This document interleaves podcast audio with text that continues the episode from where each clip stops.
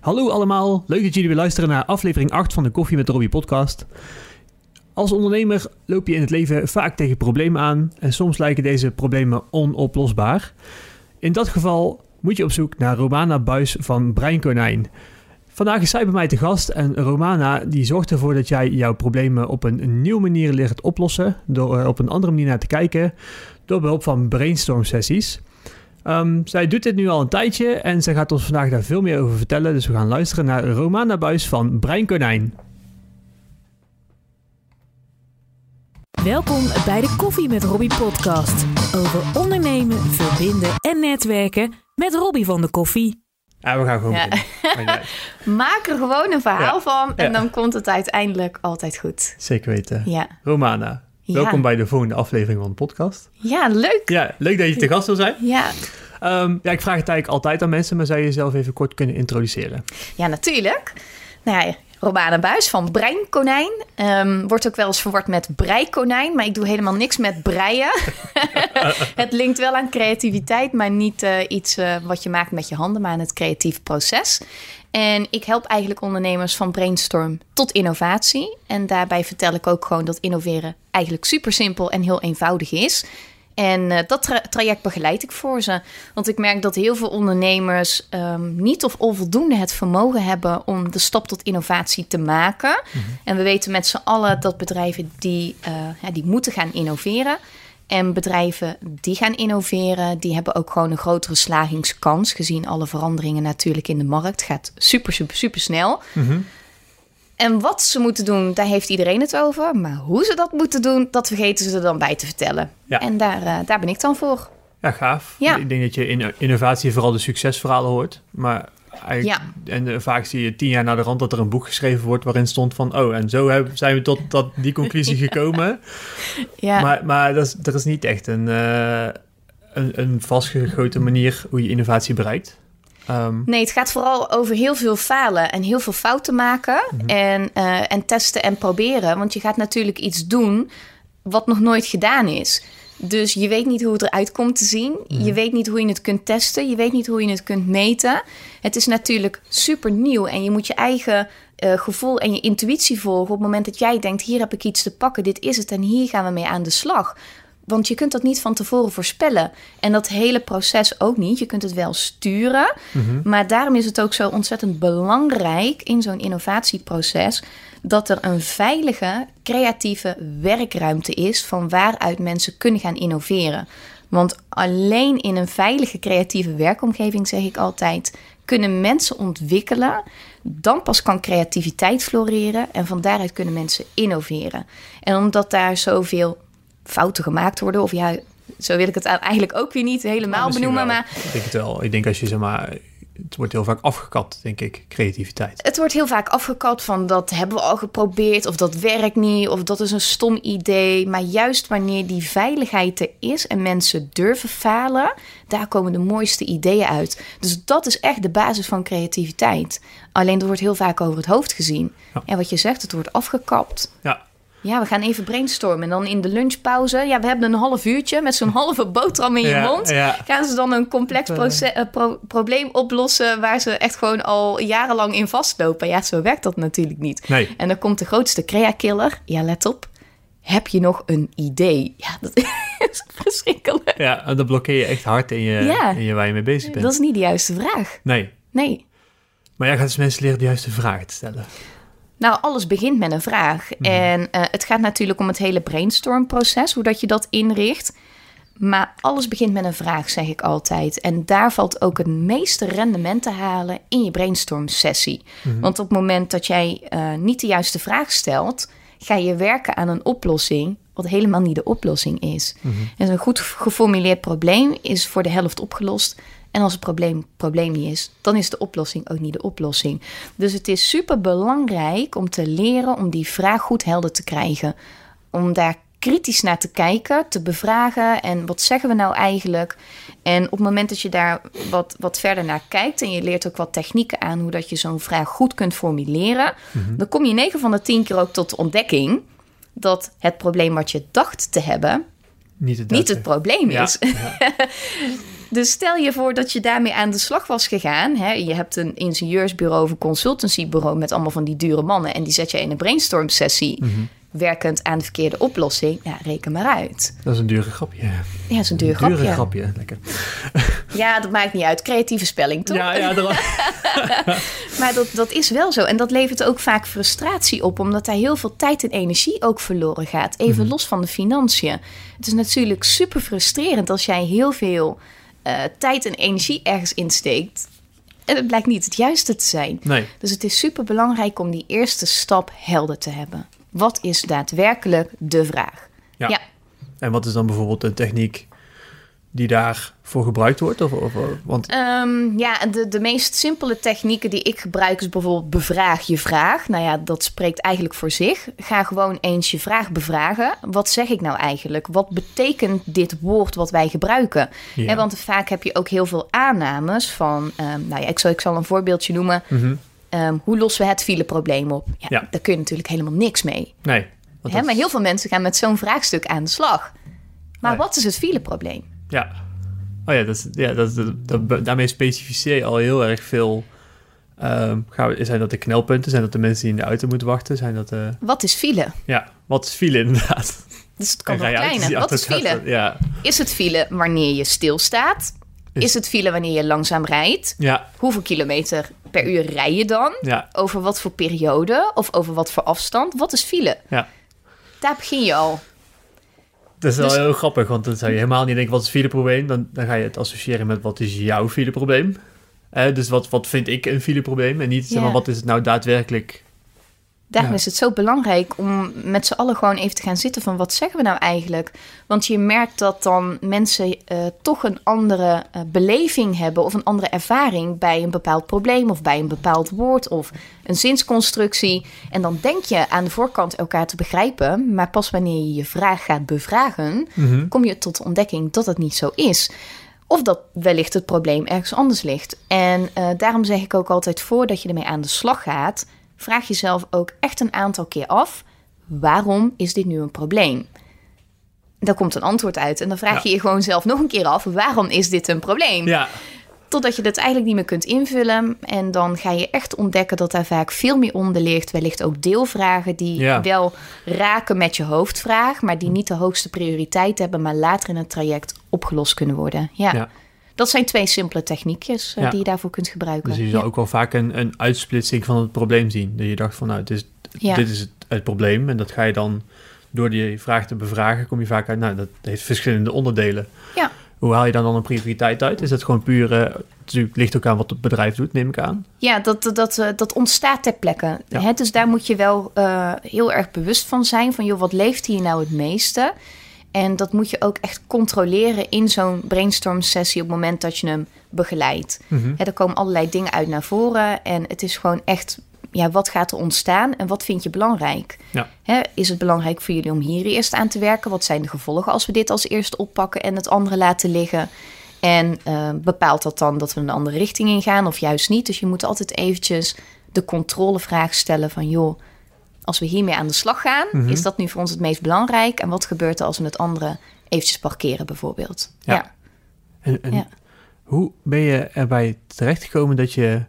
eh, ja, hoe kom je hier, zeg maar? Want daar ben ik wel erg benieuwd naar. Want je, hebt- je, bent, Ja. ja. ja, je hoort wel gewoon dat je heel goed weet waar je over praat. Ja, dat is een lang verhaal, Robbie. Ja? hoe ik hier ben gekomen. Ik weet niet hoe lang die podcast wou duren, maar Ja? eh, Ah, nou ja, ik zal de korte variant daar- daarvan vertellen. Nou, eigenlijk het, het hele eh, concept of idee van, van Breinkonijn is echt al wel een jaar of tien geleden ontstaan, toen ik nog aan het studeren was. Ik heb eh, sociaal-pedagogische hulpverlening gedaan. Ja, dan zou je denken, hoe linkt dat in godsnaam aan breinkonijn of aan creativiteit? ja. Ehm, ik heb daar een creatieve specialisatie in gedaan, creatief agogisch, wat eigenlijk betekende ehm, dat ik creatieve middelen inzette om de hulpvraag van cliënten te beantwoorden in de Mhm. jeugdzorg. Ik vond dat super interessant, hè? want tijdens mijn eh, afstuderen ben ik me echt gaan verdiepen in die, in die richting. Zeg maar. Wat is nou creativiteit? Hoe werkt het? Hoe kun je het inzetten om inderdaad vraagstukken te beantwoorden of andere dingen te bewegen? Maar die ondernemer heeft er altijd bij mij wel een beetje ingezeten. Dus ik dacht, ja, dat is superleuk om dit op die manier in de zorg toe te passen. Mhm. Maar ik zie hier ook heel erg veel kansen voor het bedrijfsleven, omdat daar ook heel veel dingen in de toekomst in een veel sneller tempo gaan veranderen. Ja. Maar ja, hè, dan ben je jong, je hebt geen ondernemerservaring, je hebt nog überhaupt geen werkervaring. En wat ga je daar dan mee doen? Dus ik dacht ook echt van ja, het is wel superleuk, maar laat ik het maar gewoon parkeren en uh, jij bent het eigenlijk vergeten. En toen studeerde ik af in de crisis.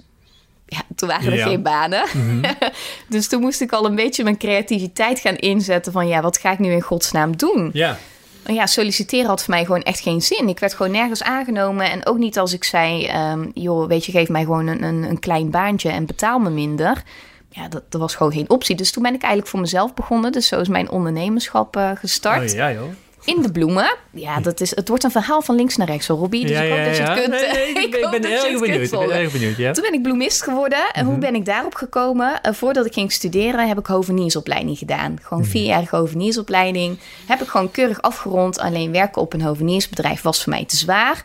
En eh, landschapsarchitectuur studeren, daar had ik gewoon geen zin in. Want dan moest ik heel de dag achter AutoCAD zitten. Had ik ook al gedaan. Ja. En ik dacht, dat gaat hem voor mij niet worden.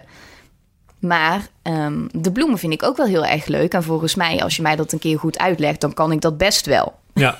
dacht ik. nou ja, uiteindelijk bleek het ook wel redelijk zo te zijn. Maar toen ben ik bij een bloemist in Tilburg terechtgekomen. Die heeft mij het vak geleerd. Zo ben ik eh, Romana Crea Fleur begonnen. Ja, dat was echt een van mijn minst creatieve ideeën. Crea. Fleur. Ja, dat is echt... voor een bloemist geen ja. slechte... Nee, nou ja, het, nou ja, Was je, was je bloemist of was je... Noemde je jezelf bloemist? Of Ja. ja. Ja, ik deed wel heel veel evenementen aankleding, bruiloften en uitvaarten. En Ja. Dat was eigenlijk eh, mijn, mijn hoofdding. En niet de kleine dingetjes, want ik had geen winkel. Dat wilde ik ook niet. Maar ja, zo ben ik daar dan eigenlijk in gestart. Maar ja, dat was niet zo'n heel goed idee. Want het idee was dus dat ik geen winkel ging hebben... en dat ik echt als freelancer opdrachten binnen ging halen. Ja, dat leven als een bloemist ging gewoon echt niet over rozen. Nee? Dus nee. nee. Wat een woordgrap ook. Ook- ja, dat zei je maakt hem gewoon, ja? Dat is echt heel erg. Maar goed, omdat ik dus ook zoveel bloemwerk maakte voor de uitvaart. Mhm. eh, en ik ja, zelf ook heel veel uitvaart heb meegemaakt. En ik zag daar ook heel veel kansen in die markt. Ben ik eigenlijk daarin gerold. Mhm. En heb ik een beurs georganiseerd om eh, consumenten te informeren over ja, de uitvaartbranche. hè, Zeg maar, dat ze betere keuzes kunnen maken ten aanzien van een afscheid van een dierbare Ja. nou ja, was hartstikke tof. En ehm, dat, dit- dat is gelukt. En die beur- beurs was, eh, was vol. Toen ben ik gaan samenwerken met eh, ja, een ander bedrijf. Nou, dat heeft een, uiteindelijk op een vrij korte termijn een andere vorm aangenomen. Dat was er eentje die niet mij, eh, mij echt heel erg goed paste. Mhm. Dus ja, dat is eigenlijk ook niet helemaal geworden wat het moest zijn. En toen dacht ik, ja, en nu? Ja, toen was ik een beetje in paniek. Ja? Ja, ik denk, oh, wat moet ik nou toch gaan doen? En eigenlijk, ehm, ik heb er wel echt even de tijd voor genomen. En toen kwam ik tot de conclusie van, ik probeer altijd mijn creativiteit vorm te geven in een bedrijf. Mhm. Maar misschien is het wel gewoon mijn bedrijf. Ja, dan is het een leuke stap. Toen ben ik gewoon mijn studieboeken terug gaan pakken. Ben ik in gaan bladeren. En toen las ik dat ik tien jaar geleden exact hetzelfde idee had opgeschreven. als dat wat op dat moment in mijn hoofd oppopte Ja. voor Breinkonijn. Ja, dan moet je er niet meer over nadenken. Nee, dan blijkt dat toch wel iets wat, eh wat altijd heeft Wat eh, ergens eh, een beetje heeft zitten broeden of zo. En waar, waar al die andere mislukkingen voor nodig waren. Ja, natuurlijk. Maar om, de- om hier te komen. ik ja, denk als je meteen was begonnen, was het... was ik gefaald. Ja, want dan had je Ja. niet, niet de, de skills gehad om het uit te rollen en om het succesvol te maken en om het neer te Nee. zetten en om het te doen. En vooral ook niet het karakter. Want dat is wat, wat ik altijd ook over het hoofd heb gezien. Je kunt nog zo vaardig zijn in je, in je werk of, of wat je wil. Maar als je echt ondernemer wil zijn en succesvol ondernemer... dan hoort ook een bepaald karakter bij. En dat had ik gewoon nog niet. Nee. Dat was gewoon nog niet sterk genoeg. Ja, ik ga daar niet nee, over liegen. Nee, dat is bij mij precies hetzelfde. Dat Dus moet, dat moet je bouwen in, Ja. in, de, in de jaren door. Dat moet je sterker in worden. Je moet snelle besluiten kunnen nemen. En ja, zover was ik Ja. nog niet. Je moet ook durven falen. Moet ik Ja, je moet durven ja. falen en dat ook ownen, zeg ik dan. Hè? Want falen deed ik eigenlijk al wel. Maar ik was daar zelf niet content mee. Of, hoe moet ik dat zeggen? Ik, ik, Nou, ik denk dat je dat, zeg maar, als, als je jonger bent, Ja. dan denk je ook dat je niet mag falen. En zeker Ja. als ondernemer, dan op een gegeven moment raak je er misschien zelfs aan verslaafd. Dat je de andere kant op gaat. Dat je Ja. eigenlijk, zeg maar, constant uit je comfortzone wil. Dus dat is altijd goed. Dus eh, dan merk ik bij mezelf wel dat nu ik... ehm, vroeger was ik heel erg snel content met wat ik deed. En nu heb ik elke keer iets, ah, dat is wel leuk, dit werkt. En dan ga ik weer iets nieuws doen, want ik wil weer iets... Ja, dan iets is het niet meer, niet meer leuk. ja, niet meer leuk. Dan, dan, dan heb ik ik moet ah, weer iets nieuws bedenken. ja, ja, er moet wel Ja. ergens een risicootje achter zitten Ja. dat, dat ik op mijn bek kan gaan en dan voelt het lekker. Vandaar ook deze podcast. Dat is ook echt zo'n Ja. ding van, ja, weet je, super leuk om te doen. Ja, Gewoon doen. Het krijgt vanzelf vorm. En, en, en dat is wat ik mensen ook altijd probeer uit te leggen over creativiteit. Het begint met het stellen van de vraag, maar het loslaten van het antwoord.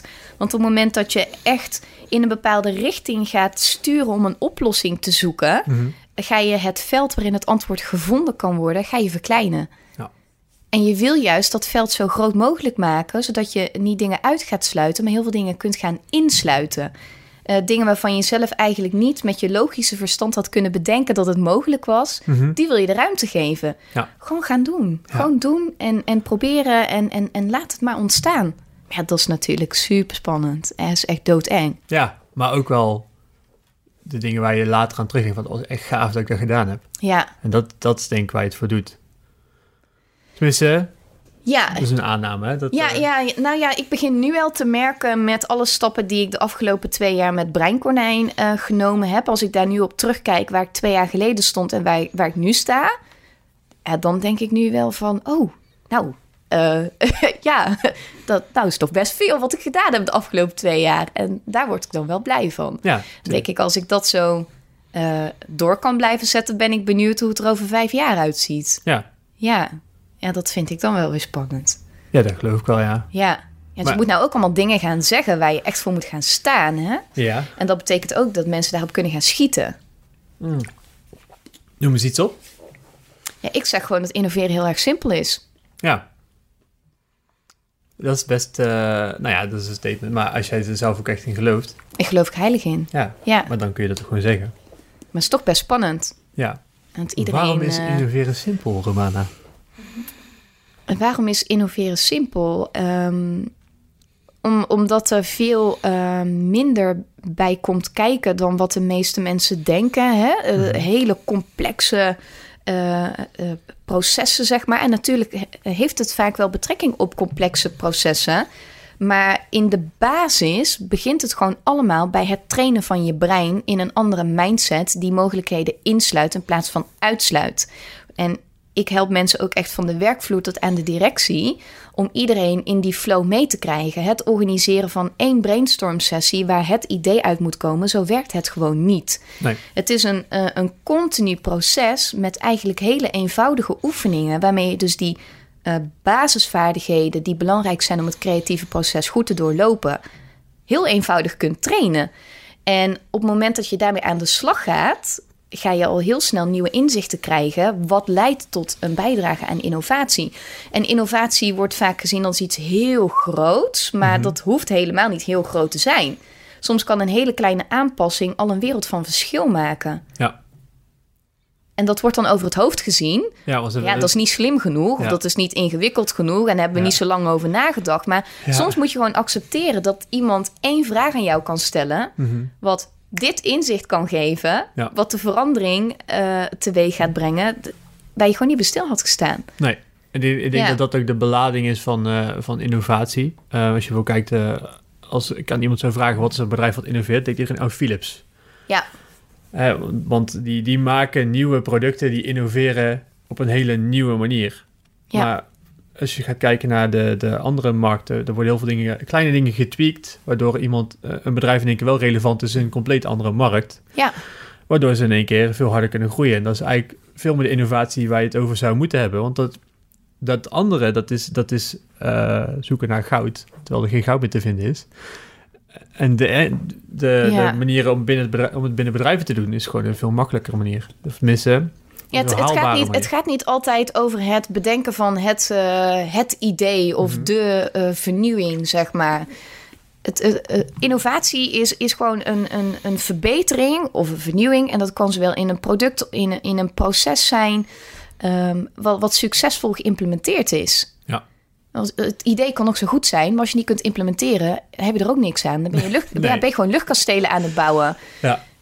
En inderdaad, wat jij zegt, het kan soms in zulke kleine dingen zitten. En ehm, een bedrijf wat een prachtige product, of prachtig product of dienst heeft, wat toch niet helemaal loopt, kan vaak als je het uit de context haalt. Mhm. Hè, ik zeg wel eens, aan wie of wat zou je eh, never nooit niet jouw product of dienst verkopen?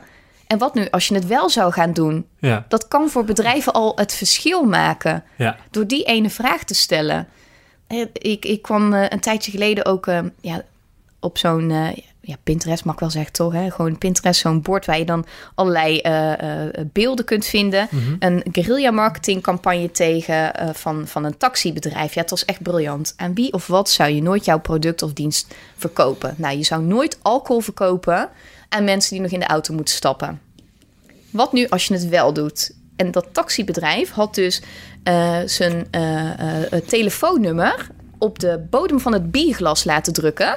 Dus elke keer als dat glas dan leeg was, tot ja, laten we even zeggen 0800 taxi. Ja. Eh, dat is briljant. Ja, waardoor je dus wel, zeg maar, hè, stel je zou iemand dronken voeren, eh, ja, die nog in de auto 0800 moet taxi op de bodem Oh, van dat ja. bierglas. En wie of wat zou je nooit jouw product of dienst verkopen? Ja, daar kunnen briljante ideeën uit ontstaan. Gewoon doordat dat je eigenlijk iets gaat aanboren of iets uit de context gaat halen waar je nooit aan gedacht zou hebben. Ja. Ja. En wat is jouw eh, rol in zulke processen? Begeleid jij brainstorm sessies of... of Ik help echt van brainstorm tot, eh, tot innovatie. En ehm, dat begint bij die veilige creatieve werkomgeving. Want op het moment dat mensen zich niet veilig genoeg voelen om ideeën te uiten of om in dat proces mee te gaan, dan gaat er ook weinig bewegen. Mhm. En ik ben er ook van overtuigd dat als ideeën van bovenaf eh, eh, ja, geïmplementeerd worden, van we moeten dit nu anders gaan doen en jullie doen het zo, gaat het ook niet werken. Hè, alle mensen in het bedrijf eh, moeten daarbij betrokken worden. Echt van de werkvloer tot aan de directie. En ik zorg ervoor dat ehm, hè, de ondernemer of het management faciliteert in die veilige creatieve werkomgeving. Ehm, zodat mensen ook meegenomen kunnen worden in dat proces. En dat kan bijvoorbeeld gaan. en, nou, we zitten hier bij Fortune Coffee, dus laten we dan de koffieautomaat als voorbeeld nemen. Mhm. Dat vind ik namelijk altijd wel een mooi, eh, een mooi iets. Bij hoeveel bedrijven staat die koffieautomaat in de keuken op de aanrecht?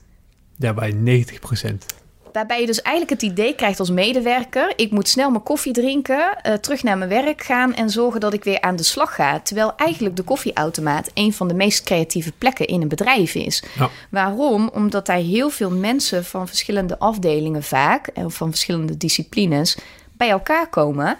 Die bespreken allerlei uitdagingen met elkaar of, of hè, eh, van alles en nog wat. En daar ontstaan vaak gesprekken waar nieuwe ideeën uit voortvloeien. Ja. Dus wat gaat er gebeuren op het moment dat jij die koffiehoek anders gaat inrichten Mhm.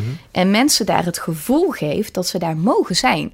Dat ze daar mogen zitten, dat ze eventjes een break mogen nemen. Want het is ook gewoon te gek om te denken dat mensen alleen maar kunnen gaan, kunnen gaan, zonder dat daar ruimte is voor, voor rust. Mhm. En richt dat gewoon eens in dat daar ook ideeën vorm kunnen krijgen en faciliteer dat daar. Dat is wel heel gaaf. ik had er nooit zo over nagedacht. We hebben nu ter plekke een nieuw idee bedacht. Ja joh, dat is, eh, nou, ik had, we, we hebben het wel eens eh, bij Fortune zeggen we vaak dat eh, de koffieautomaat is de waterput. Ja. En bij de waterput, daar komt iedereen samen. Zeg maar. Ja. Dus zeker in Afrika, daar, Ja. daar, moet echt, daar komt echt van hoog is- tot laag, iedereen heeft water nodig. Dus en daar krijg je ook weer de gesprekken. En nou, dan krijg je ook heel veel gevoel voor community. Ja. Ja, dat zou je natuurlijk ook nog een heel stap verder door kunnen zetten. Door eh, echt een plek in te richten om die automaat heen waar mensen lekker kunnen gaan zitten. Waar mensen echt even Ja. een momentje kunnen pakken. Maar dat ze ook, dat ze ook echt, eh, dat het oké voelt dat Ja. ze daar mogen zijn. Ja, Ja, dat, doet, dat doet al on- ontzettend veel ehm, ja, met wat mensen durven uiten en, en durven doen. Komt natuurlijk nog wel meer bij kijken. Maar dat is een klein stapje wat je kunt nemen. Mhm. Of ehm, wat ik ook wel eens introduceer is de faalbokaal. Eh, ik zie jou lachen. ja ik vind het leuk. De faalbokaal. Ja, dus, maar die, dan kun je een prijs vinden voor faal. Want, eh, Voor de grootste blunder. ja, voor goed, ja. En eh, waarom, waarom is dat nou zo belangrijk? Ehm, stel jezelf gewoon eens de vraag: als je een fout of een blunder begaan hebt, wat je vandaag de dag niet gehad zou hebben als je die fout niet gemaakt had. Ja, Een briljante uitvinding die we allemaal gebruiken, en vooral ik in de brainstorm sessie, de post-it. ja. Is ontstaan uit een foutje. Want degene die dat eh, aan het ontwikkelen was. Hij was bezig met, met, met, het, met een lijm die echt moest blijven plakken. Maar ja, er ging iets niet helemaal goed. Hij bleef niet lekker plakken. Ja, het bleef niet lekker plakken. Ja. Maar iemand anders zag daar een kans van... oké, dit is wel mislukt, maar doordat die lijm niet helemaal lekker plakt... hebben we nu wel een papiertje met een soort van vloeistof... Ja, wat we ook weer kunnen verwijderen. Ja. Dus waar zie je, eh, je, je kansen zitten, zeg maar. Dus wat nou als je een faalbokaal zou introduceren in jouw bedrijf... als Mhm. iemand een blunder begaan heeft... en je zou echt vragen, eh, wat legt dit nu bloot in onze organisatie... wat kunnen we daarvan leren? Ja. En wat hadden we nu vandaag niet gehad... als die persoon die fout niet begaan had? Ja. En ja, maakt die faalbokaal ook leuk om te winnen. En de directie moet, moet ook meedoen natuurlijk. Ja, tuurlijk. tuurlijk. anders stelt het niet. Ja. Iedereen moet meedoen met die faalbokaal. Maar dat maakt het wel ehm, wat laagdrempeliger voor Mhm. mensen om inderdaad ook iets, iets ja, verkeerd te doen. Even, verkeerd even tussen aanhalingstekens natuurlijk. Maar ja, zeker. Ja, dat biedt wel ruimte Ja. om anders naar zaken eh, te kijken. Ja, want één, je, het is natuurlijk leuk om zoiets te winnen, want het is wel even een mooi momentje. Even, eh, wat leuk dat we dit weer doen. En aan de andere kant eh, is het natuurlijk mooi, want je, je gaat eh, op een fijne manier ja, moeilijke punten in je bedrijf even uitlichten. Even kijken hoe je constructiever op verder kan. Ja. Maar we hebben heel veel te maken in Nederland met conservatieve bedrijven. Ja. Ehm, is dat daar niet ontzettend moeilijk om zoiets te bereiken? Want Ja, op het moment dat je je ja. niet voor open staat, Ja, daar kun je er niks mee. En ik denk Ja. ook wel dat je zeg maar eh, in een mooie tijd zit, want zometeen moet iedereen mee. Mhm, En dan denk je, oh, hadden we maar, en hoe gaan we dat nu doen? Ja. Ehm, maar ja, hoe, hoe kom je bij bedrijven, zeg maar, eh, aan, het, aan de realisatie dat het nodig is? Of kom je vooral bij bedrijven waar, waar ze eigenlijk al wel weten van, dan moeten we echt iets mee gaan doen? Eh, het besef dat er iets mee moet gebeuren, moet er natuurlijk wel zijn. En Want op het moment dat iemand niet eh, erkent dat er een uitdaging is, ja, dan komt iemand ook absoluut niet in beweging. Maar terecht dat je dit aangeeft, want heel veel bedrijven eh, lopen er wel tegenaan van, joh, we weten dat we er iets mee moeten, maar onze mensen willen niet mee. Ja, En hoe gaan we dat dan doen? Ja, dat is natuurlijk voor mij een mooie uitdaging om ervoor te zorgen dat ik die veiligheid al meebreng in zo'n bedrijf of organisatie. ehm, waarin die mensen dus kunnen aanhaken. En het is heel belangrijk om te bepalen op welk niveau iemand staat. Want ik zeg altijd, maakt niet uit waar je begint.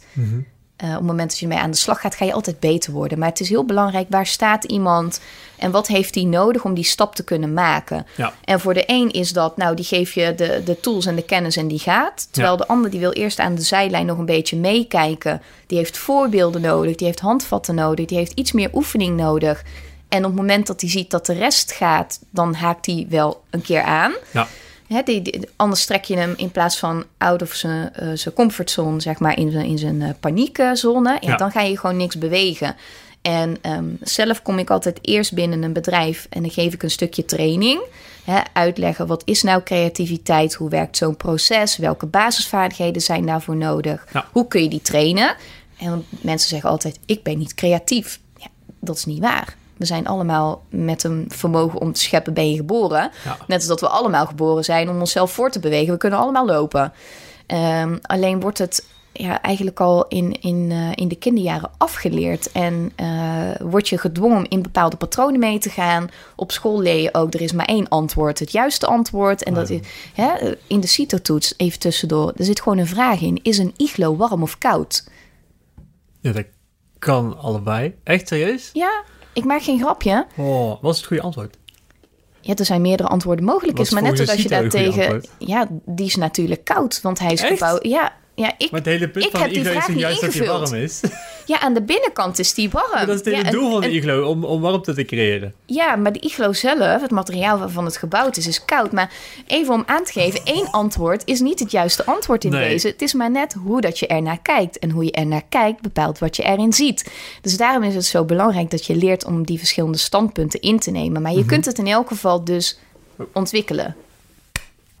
Elke week eh, vraag ik ook aan mensen die in de afgelopen aflevering zijn geweest...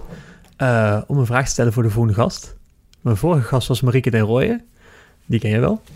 En Ja. Marieke heeft een vraag voor jou. Heeft Marieke een vraag voor mij? Ja, ja, zeker. Oh, echt? Maar wist Marieke ook dat ik het was? Ja, Oh, oh nou maakt het extra spannend dan. ja, ja. Oké. Uh, Marieke wil graag weten, ehm, wat is je doel en waar wil je naartoe? Dus wat wil je bereiken met Breinkonijn en wat is nou... Hè? Eh, ja, oh ja, dat is inderdaad een goede vraag. Ja, die had ik wel van, van, van Marieke wel verwacht. Ehm, wat, mijn, wat mijn doel is, is echt om zoveel mogelijk eh, bedrijven te helpen, het vermogen te geven om te gaan innoveren.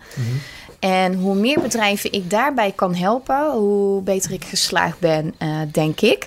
Want dat eh, gevoel van onvermogen, ehm, het gevoel hebben om aan de zijlijn te staan, dat andere bedrijven ehm, eh, toffe ideeën hebben, innoveren en, en alles goed doen, dat is helemaal niet nodig omdat ik gewoon weet dat op het moment dat je start met het trainen van die basisvaardigheden van het creatieve denken, het proces goed uh, in de gaten krijgt, brainstormen goed kunt uitvoeren en kunt implementeren in een bedrijf, de rest vanzelf wel komt. En ik denk dat dat wel echt mijn doel is, om zoveel mogelijk bedrijven te helpen um, die stap te maken. En ervoor te zorgen dat ze hun bestaansrecht kunnen blijven behouden. Want je ziet gewoon te veel bedrijven die niet het vermogen hebben om snel te schakelen binnen de veranderingen die nu gaande zijn. Mm -hmm. En vroeger had een bedrijf een levensduur van, ik geloof, zo'n 60 jaar. Inmiddels is dat gedaald naar 12 jaar en voor sommige branches is dat gewoon nog veel korter. Ja. Dus dat betekent dat je je ook meerdere keren opnieuw moet gaan uitvinden. Stel je zou nu een jonge ondernemer zijn mm -hmm. en je start een bedrijf, dan weet jij, nou ja, over een jaar of uh, zes. Um, moet, moet ik alweer iets anders. Uh... Ja, moet ik gewoon weer iets anders gaan bedenken. En, ja. en uh, hoe ga je dat dan in godsnaam doen? Dus moet je nagaan als jij nu al 20, 25, misschien 30 jaar hetzelfde bedrijf hebt. Mm -hmm. Hoe ga je die stap dan maken? En hoe meer mensen ik kan helpen om dat stukje onvermogen op te lossen, ja, ik denk dat dat wel mijn doel is. Oké. Okay. Ja. En, en, kun je daar ook een concreet doel aan hebben? Een concreet dat is doel. Een mooie, dat is een mooie, uh, ja. Een mooie visie voor je bedrijf, hè? Ja, een mooie visie voor mijn bedrijf. Hoe zou dat er dan uitzien? Dan heb je dan mensen die voor je werken? Ik vind, ik vind nee, ik, uh, ik wil geen personeel. Mm -hmm.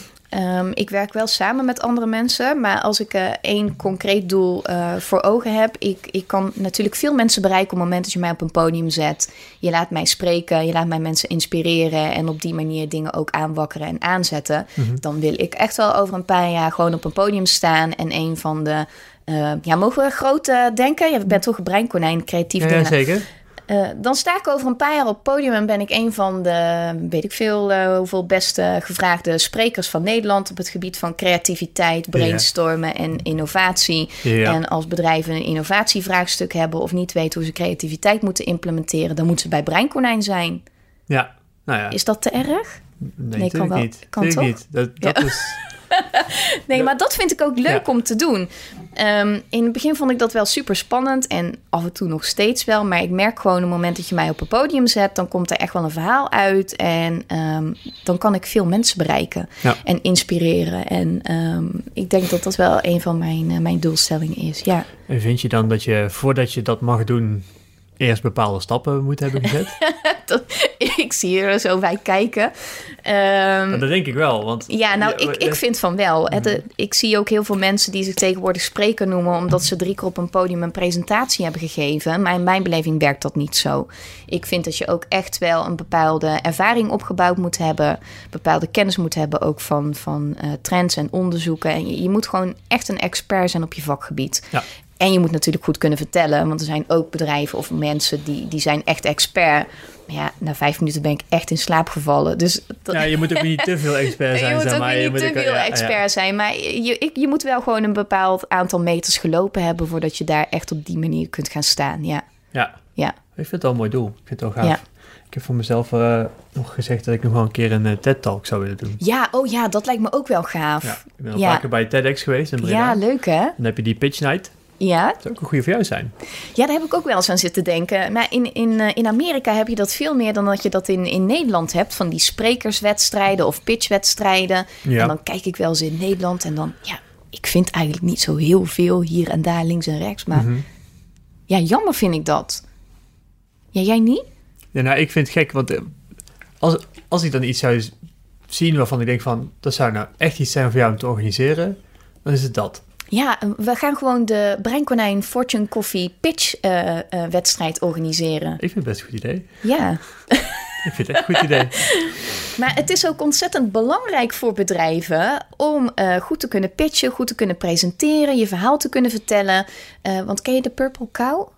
Nee, ik ken... Oh, dat, dat, is, dat? dat? is ook een. eh, oh, hoe heet die man? Oh, dat is erg.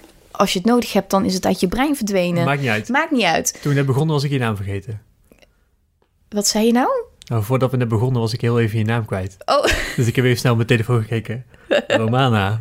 ja. Toen ben ik begonnen. ik had gewoon even uit weg. Dus Purple Cow, wat is Purple Cow? ja dat, uit. dat, dat gaat erover dat eh, eh, we tegenwoordig zo overladen worden met prikkels Mhm. eh, via allerlei kanalen. Dat op het moment dat je dus wil opvallen of je boodschap wil overbrengen, zul je er dus voor moeten zorgen dat je heel erg gaat opvallen. Ja. Dus je zult die purple cow moeten zijn, omdat anders mensen je gewoon uitfilteren en over het hoofd zien. Dus dat betekent dat je heel erg eh, ja, uniek moet zijn, authentiek moet zijn, omdat je anders gewoon verdwijnt in de massa. Ja. En daar hoort een, een goed verhaal hoort daar natuurlijk ook bij, want anders gaat gewoon niemand meer luisteren. Ja. Het gaat allemaal bleh, bleh, bleh, weet je, gaat allemaal langs je heen. Mhm. Heb je dat nooit dan op een netwerkbijeenkomst dat je denkt, oh, alweer zo'nzelfde verhaal? Nee? Ja? Ja, ja, dat heb ik Ja, zeker. kijk, zie je.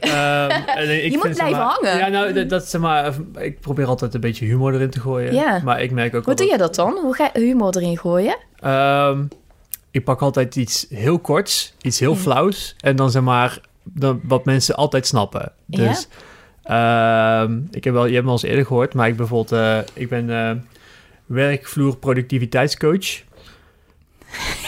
Ja, En dan zeg ik vervolgens dat ik koffieleverancier ben. Ja, dat oh vinden ja. mensen grappig, weet je wel. Ja. Dat zegt ze van, Ja, joh, ik, zeg, ik maak mensen blij of aanspreekbaar. ja. Dat is een beetje dat soort zinnetjes, die Ja. zorgen ervoor van, oh, leuke associatie met het product. ja. En dan zeg ik, ik ben Robbie van de koffie. Nou, dat blijft ook ja, hangen. Ja, En dan vervolgens dan, ja, weet je, als ze koffie nodig hebben, moeten ze bij mij zijn. Zo simpel ja. is de link. Ik heb de link, zeg maar, zo kort mogelijk gemaakt. Maar je Ja. hoeft nooit lang na te denken over, om te denken wat ik doe. Zodat je altijd weet van, oké, dan moet ik daar zijn. Dan Ja. heet dit ook de Koffie met Robbie podcast. Hetzelfde idee.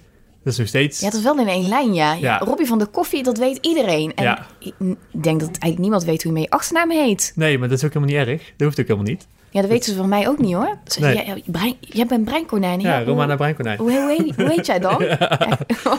Breinkonijn. Ja, maar wat, wat doe je dan? Wat is dan je titelfunctie? Ja, gewoon breinkonijn. Ja, ja, Ja, maar ben je dan innovatie? Ben je gewoon breinkonijn? ja. ja. Dat kunnen ze niet handelen hoor. Nee, dat Dat is ze eh, moeilijk als ze er geen titel kortsluiting. geven. Ja, een kortsluiting. Ja, dat is Ja. mooi natuurlijk. Ja. Ja, leuk. Ja, maar dat... ehm, nou, maar je- eh, wat nou, spreken natuurlijk altijd over een pitch night. Dus Ja. over- waarom mis je dat dan? Waarom ik dat mis? Ja. Ehm, nou, ik, ik, ik vind dat wel een, eh, een, een leuke uitdaging ook gewoon. En ik vind het een belangrijke vaardigheid als ondernemer... dat je goed je, je bedrijfsverhaal kunt vertellen. Ja. En daarom mis ik dat eigenlijk wel. Maar ook het op een podium staan, voor een groep mensen staan. Mhm. ehm, Waarom denk je dat mensen in de topsport daar eh, veel makkelijker en een groter podium voor hebben dan mensen uit het ondernemersleven? Want wat je heel veel ziet, ehm, wij organiseren zelf ook af en toe eh, intern met Fortune een evenement. ja, Heel vaak een spreker. ja, En die zijn super, zijn vaak eh, ondernemers, maar die komen dan uit de topsportwereld. Dus ja, vorige keer had ik Bjorn Kuipers. Die, is dan, zeg maar, die heeft twee jumbo's. Hartstikke mooi. Maar die is ook op wereldniveau scheidsrechter in de voetbal. ja. Dus dat, die heeft een super mooi verhaal over hoe daar parallellen tussen te vinden zijn. En dan denk ik, joh, weet je, hij, heeft, hij is super sterk als spreker. Maar Ja. heel vaak zijn het topsporters die doorgaan als sprekers. Over teamverband, over dat soort dingetjes. ja. Waarom zie ik zo weinig ondernemers die dat doen? Eh, ondernemers die op een podium gaan staan, Ja, bedoel je zijn, dan? er zijn echt weinig ondernemers die... Ja, het, het is natuurlijk ook weer een, eh, weer een vaardigheid apart, hè? Mhm. Om op een podium te gaan staan en je, en je verhaal te gaan vertellen. Ja, maar het lijkt me wel een vaardigheid die je nodig hebt als je een bedrijf leidt. Ja en nee. Ik ben, ik, ik, ik ben meteen aan het denken natuurlijk. Kijk, Ja. eh, kijk een, een bedrijf leiden is natuurlijk weer iets anders dan een bedrijf presenteren op een podium en daar je verhaal vertellen. Ja, Want leiderschap zijn natuurlijk weer andere skills als eh, presenteren. als presenteren. Mhm. En natuurlijk is het wel ontzettend handig als jij een boodschap over kunt brengen binnen, binnen je bedrijf. Maar volgens mij zitten daar gewoon allemaal eh, andere poppetjes op een andere plek. Ja. Dus ja, dan... Ja, Ik zie, ik zie dat voor mij, in mijn beleving zijn Ja. dat twee verschillende dingen. Mhm. Hey, ik was, eh, ehm, wanneer was het nou? Ik- Wat voor dag is het nou toch? Vrijdag, hè? Het is vrijdag, ja. Ja, ja, dat is in mijn creatieve brein. Ik doe wat ik leuk vind. Ik hou geen tijd en geen dagen bij. En af en toe niet. bel ik op zaterdag iemand op en zeg... man, het is zaterdag. Dan denk ik, oh, ik Ja. maar maakt verder niet uit. Nee, ik was eh, eh, laatst ook bij, eh, bij een ondernemers-event. En daar vertelde iemand die, eh, ja, die de- deed in dakpannen. Maar dat was echt een innovatief bedrijf.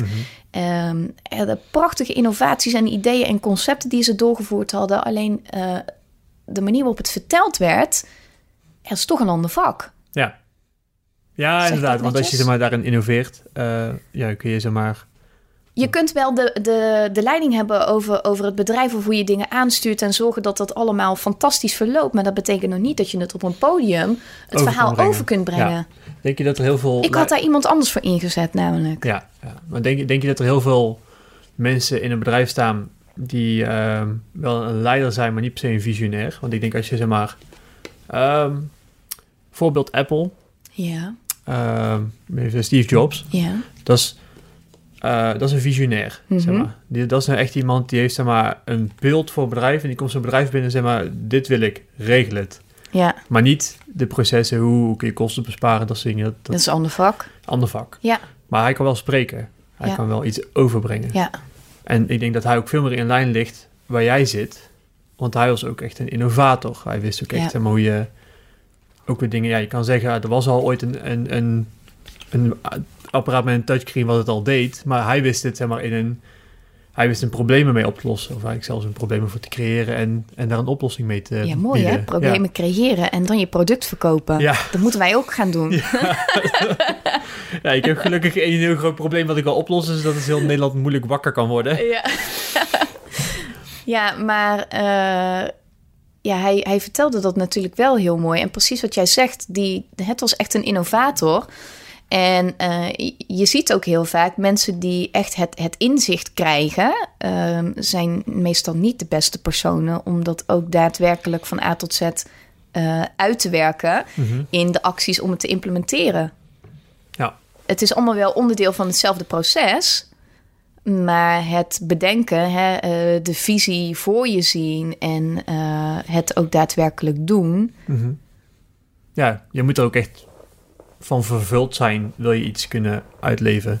Ja, Ik denk dat je niet alleen in een visie moet geloven. Ik denk dat je moet geloven dat er geen andere manier meer is dan het op die manier doen. En dan kun je zeg maar op dat niveau gaan opereren. Ik denk niet dat je zeg maar kan denken van nou dat vind ik een goed idee en dan dat was het. Nee, er komt echt wel, wel, eh, wel heel veel bij kijken. Maar als je sowieso terugkijkt in de geschiedenis, hè, allerlei uitvindingen die natuurlijk gedaan zijn, de gloeilamp en eh, de Dyson stofzuiger vind ik ook een hele mooie. Ja, weet je hoeveel prototypes meneer Dyson gehad heeft voordat hij het apparaat werkend had? geen idee. 5126 geloof ik. Oh. Ja, die had in de jaren 70 het idee al. En in de jaren 90 rolde pas die eerste Dyson stofzuiger van de band af. Over falen gesproken om een idee werkend te krijgen. Ja, Maar hij geloofde er zo heilig in dat je een stofzuiger zakloze stofzuiger kon maken. ja. Het is bleek- hem gelukt, Ja. maar elke keer testen, maken, testen, maken, falen opnieuw. En ja, nu is het natuurlijk een fantastisch eh, bedrijf, Dyson. Maar wat een traject dat dat geweest is. Maar die had, ook een beeld voor zich hoe dat, dat eruit moest zien. En daar werkte die naartoe. En dat is ook een van de belangrijkste vaardigheden van creatieve denkers. Hè? Je, je verbeeldingskracht, dingen voor je kunnen zien. Eh, de, er is nog nooit iets gemaakt voordat wij het eerst bedacht hebben. Je kunt namelijk niet iets maken wat je niet bedacht hebt. Ja, tenzij het een post-it is. Dus als het een foutje is. De post-it ze niet bedacht.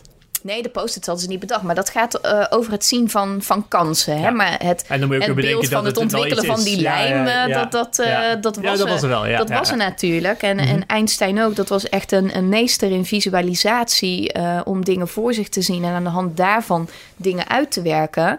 En ehm, dat is ook gewoon een vaardigheid die je kunt trainen. Want op het moment dat jij dingen goed voor je kunt zien... kun jij in je hoofd gedachte-experimenten uitvoeren. Mhm. Ja, is het- landt hij een beetje? Ja, ja. Op het moment dat je in je hoofd iets bedenkt, een Ja. Mhm. idee, kun je het in je hoofd ook aanpassen. En want ons brein heeft het vermogen om terug te reizen in het verleden, heden, toekomst. Wij kunnen ons overal verplaatsen waar we heen willen met onze gedachten. Zonder dat het werkelijk consequenties heeft. Nee. Dus je kunt in je hoofd dingen bedenken en, en foutjes maken en aanpassen. en uitwerken zonder dat het daadwerkelijk geld kost. Ja, dus je kan al hele processen hebben. Ik ben toevallig zo grappig. Dus hele dingen uitdenken en Ja. daarna kun je het gewoon eens gaan proberen. En als je denkt, ik kan de fout niet vinden, dan kun je het eerst, hoe beter je dat kunt visualiseren. Ja. Ja, dat is ik ben een, een nieuw boek aan het lezen. Dat heet eh, The Power of Habit. Oh ja? En ja. eh, dat boek gaat over eh, hoe, zeg maar, eh, als je eenmaal een, een trigger, een gedrag en een beloning hebt, dat je Mhm. dan uit- dingen kan automatiseren in je hoofd. Mhm. Dat je op een gegeven moment heb je alleen maar de trigger nodig en dan ga je automatisch het gedrag Ja, doen. conditionering. En, ja, conditioneren dat echt. Eh, en wat je zegt, Michael Phelps, die, eh, de zwemmer, Ja. die heeft dat, zeg maar, eh, dat visualiseren waar je net over had. Mhm. Die heeft dat in het zwembad gedaan. Die heeft elke wedstrijd, dag, helemaal van tevoren uitgevisualiseerd. Ja. En op die manier alle foutjes al een keer meegemaakt. Alle Ja. dingetjes er al een keer uitgehaald. En daarom heeft hij op de Olympische Spelen heeft hij een wereldrecord gezwommen. Terwijl er water in zijn bril zat. Dus hij heeft niks kunnen zien. Maar gewoon puur omdat hij het al zo vaak helemaal voor zich had gezien. En ook al een keer had gezien van dat het fout ging. Dat hij niks kon zien. Hoe zou het dan voelen? Hoe zou het dan zijn? Zo gevisualiseerd. Dat hij alle fouten... In elk geval voor een groot gedeelte al een keer had meegemaakt of had gedaan. ja, het grappige is, je brein kan geen onderscheid maken tussen realiteit of gedachte. Nee. En dat is natuurlijk zo super interessant aan ons brein. Want er zijn meerdere onderzoeken van. eh, ook met sporters die inderdaad visualiseren dat ze de wedstrijd winnen. Ja. En inderdaad, wat jij aangeeft, hè, de wedstrijd in hun hoofd lopen of beleven of zwemmen. En eh, waar ze dus inderdaad die optimalisatie moeten meemaken om Ja. dat te kunnen halen. Ja. Dat het geen verschil maakt of dat je dat daadwerkelijk doet. Of dat je dat in je brein inderdaad op die manier ook traint. Ja. Het is heel bijzonder hoe je, wat je hersenen kunnen. En, en Gedachten worden dingen. Ja, nou dat ja. Dat is eigenlijk- en dat is natuurlijk waar jij ook mee bezig bent. Ja, Ja, zeg. of het nu wel of niet waar is, je hebt altijd gelijk. Ja, Ja, het- zo, je- zo je- ontstaat narcisme natuurlijk ook.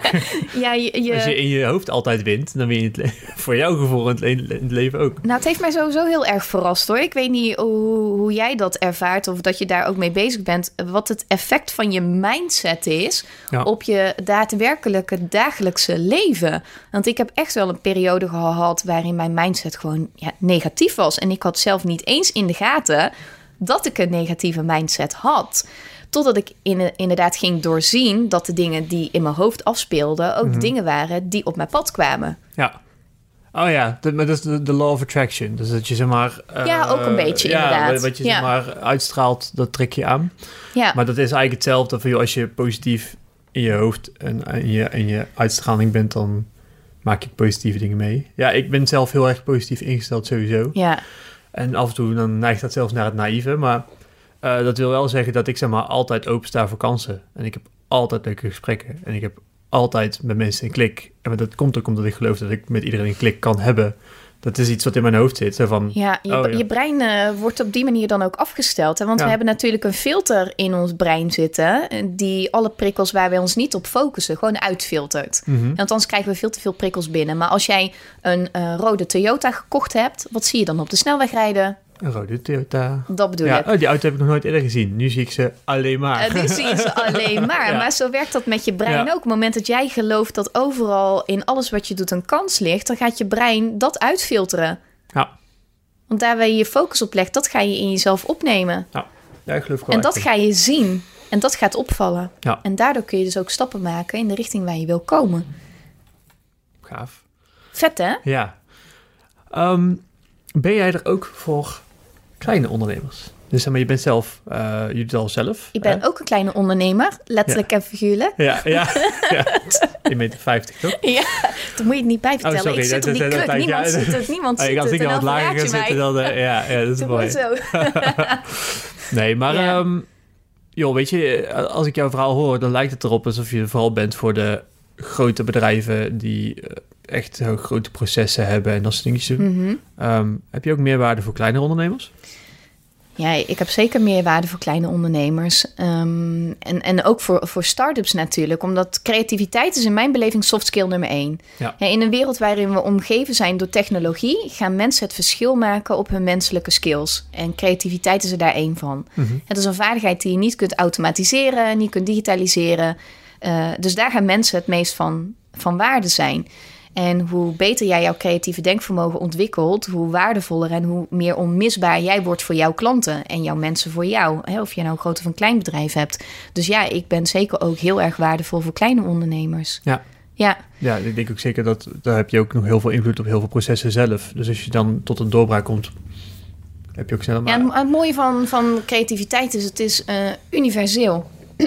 het is een universele manier van denken. En het maakt niet uit of je een grote ondernemer bent, een kleine ondernemer, in welke branche actief bent, in welke sector. Het is op elk bedrijf, op iedere onderneming van toepassing.